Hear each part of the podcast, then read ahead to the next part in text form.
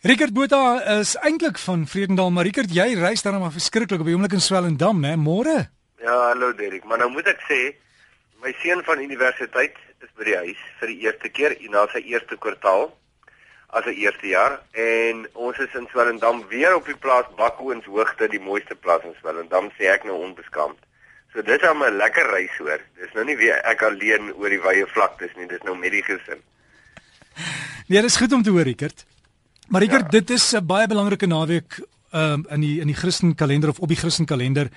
En ek wil 'n bietjie gesels oor passie spele. Daar's soveel van hierdie spele wat plaasvind. En ek begin wonder is dit spele net om fondse te in of is dit spele om die boodskap uit te dra of om deel we te wees van want ek sien hier so 'n bietjie van 'n besigheid wat ontwikkel, né? Ja, ja goed. jy jy sê my een voor.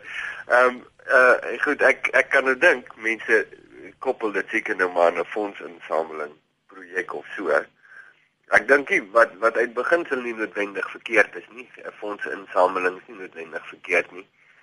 Ehm um, maar mens moet seker maar dit, dit nou mooi onderskei. Jy weet dit kan daar sekere grens nie meer kan Derek wat hy ook kan weet jy kan oorsteek wat dit nou nie meer eties is of wat dit nie meer reg is of wat dit nie meer gaan om die saak of om die kern van die boodskap nie.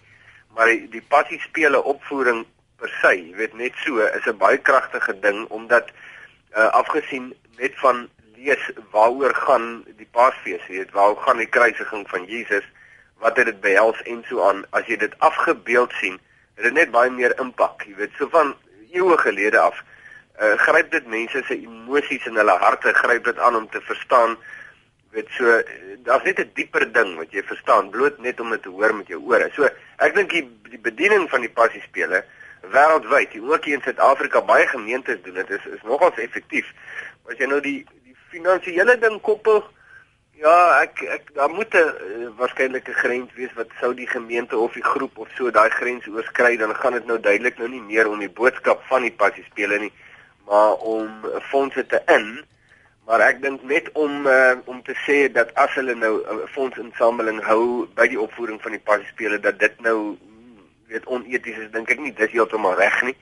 Ek dink ons moet net sê daar is 'n grens, net seker maak jy oorskry hom nie. Hmm. Nee, ek is ek is bly jy sê dit Rieke, want weet jy ek ek ken mense wat van die passie spele by hulle gemeente of hulle hulle kerkgroepe organiseer. Weet jy Rieke, hulle raak so opgewonde want hulle oefen vir maande vir hierdie paar dae. Daar's van die mense wat dan in gastehuise gaan woon om deel te wees van die fees want jy leef saam met hulle die fees deur. Ja, ek het ek het op Vredendal gesien die impak wat dit het. Ja. Jy weet waar waar gewone mense, bedoelende nou, jy weet nie akteurs, nie professionele mense, gewone lede van die publiek, uh, onderwysers en mense wat in die koöperasie werk en wie weet waar ook al polisiemanne en so aan hulle hulle oefen en hulle hulle sit hulle harte hierin en ek kan sien dit het 'n effek op hulle. Jy weet hulle besef ek dink die omvang, die diepte hiervan kom net op 'n spesiale manier na jou toe. Dit gryp mense aan in, in ons gemeenskap in Vredendal, nou in die Weskus uh klein gemeenskapie, maar dit het 'n beduidende impak, hoor, ek kan jou dit vertel. Hm. Ja, ek dink ek vir een of ander rede dink ek aan 'n liedjie wat het Sonja nie 'n liedjie gedoen Sonja Harold oor Amorgau of so iets nie, né? Ja, ja, dit ek hoor haar stem as jy daai ja. woord sê, dan hoor ek hoe sing sy. Ja, dit dit gaan ons maar dis ook maar 'n passie spel, né? Ja, dis die hele geskiedenis van daai daai stad. Nou ek is nie ek is nie lekker op data nie, maar as ek nou reg onthou wat my Duitse onderwyseres gesê het, was daar blykbaar mos 'n groot siekte of 'n ding in Oberammergau en toe hulle uh gevra dat die Here hulle moet red van hierdie ding en dat hulle dit jaarliks sal herdenk.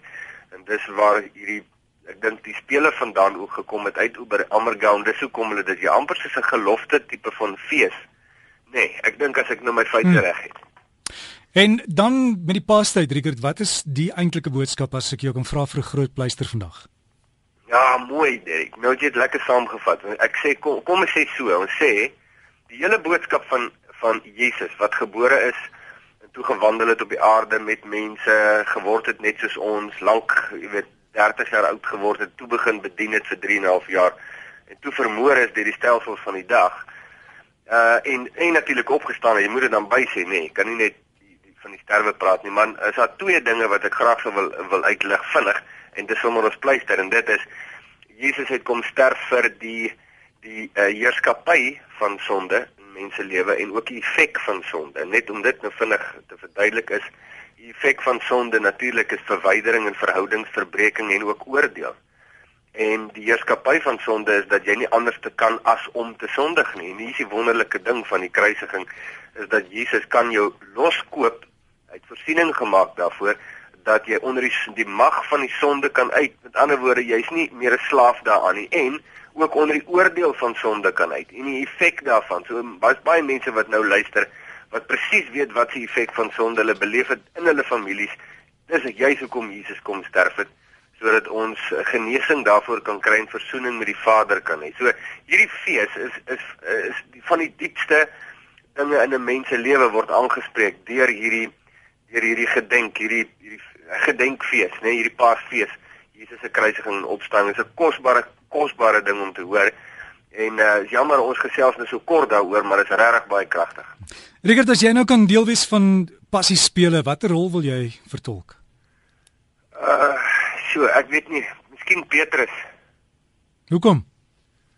Ek dink hy voel so naby aan aan Petrus, jy weet. Ek uh jy weet jy jy jy's 'n disipel van Jesus, maar jy het soveel geite en dinge en en en dan op 'n kritiese oomblik dan waar jy uh, saam met jou meester kan staan en dan dan verloon jy hom want jy dink aan jou eie behoud meer as enigiets anders en dan op die einde hoe Jesus dan ehm um, met Petrus praat en hom herstel en hom genees en hom vergewe.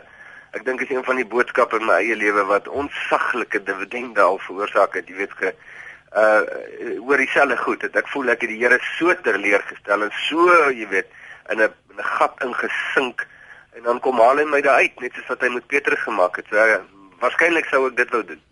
Ja, ek het vandag op televisie gesien ek sien iemand het 'n SMS gestuur van die mense wat so regtig vasgespijker word aan kruise en is net bloed en en regte lyding. Uh Partykeer wonder jy vat mense nie net te ver nie, né? Ja, nee, nee, daai is hopeloos te ver, want dit is totaal onnodig en die rede daarvoor is Jesus het eens en vir altyd daardie offer gebring, so om nou nog sulke gesimuleerde offers te bring is heeltemal onnodig en weg van Christus af. As jy Richard lekker paasnaweek vir jou, jy's nog op Facebook in Jesus se voetspore, né? Ja, ja, maar nou moet ek sê ek is in die bege en terwyl ek hier is is daar nie opvangs nie. So mense kan maar gaan kyk daar. Hulle druk net die like knoppie dan sien op die blad, maar jy sal nou nie van my hoor vir so dag of wat of 2 of 3 of 4 of so nie as jy tussen die lyne lees. Richard geniet dit in die berge. ja. Ja, dankie. Lekker naweek vir jou ook. vir jou ook dankie. So gesels ons met Richard Botha.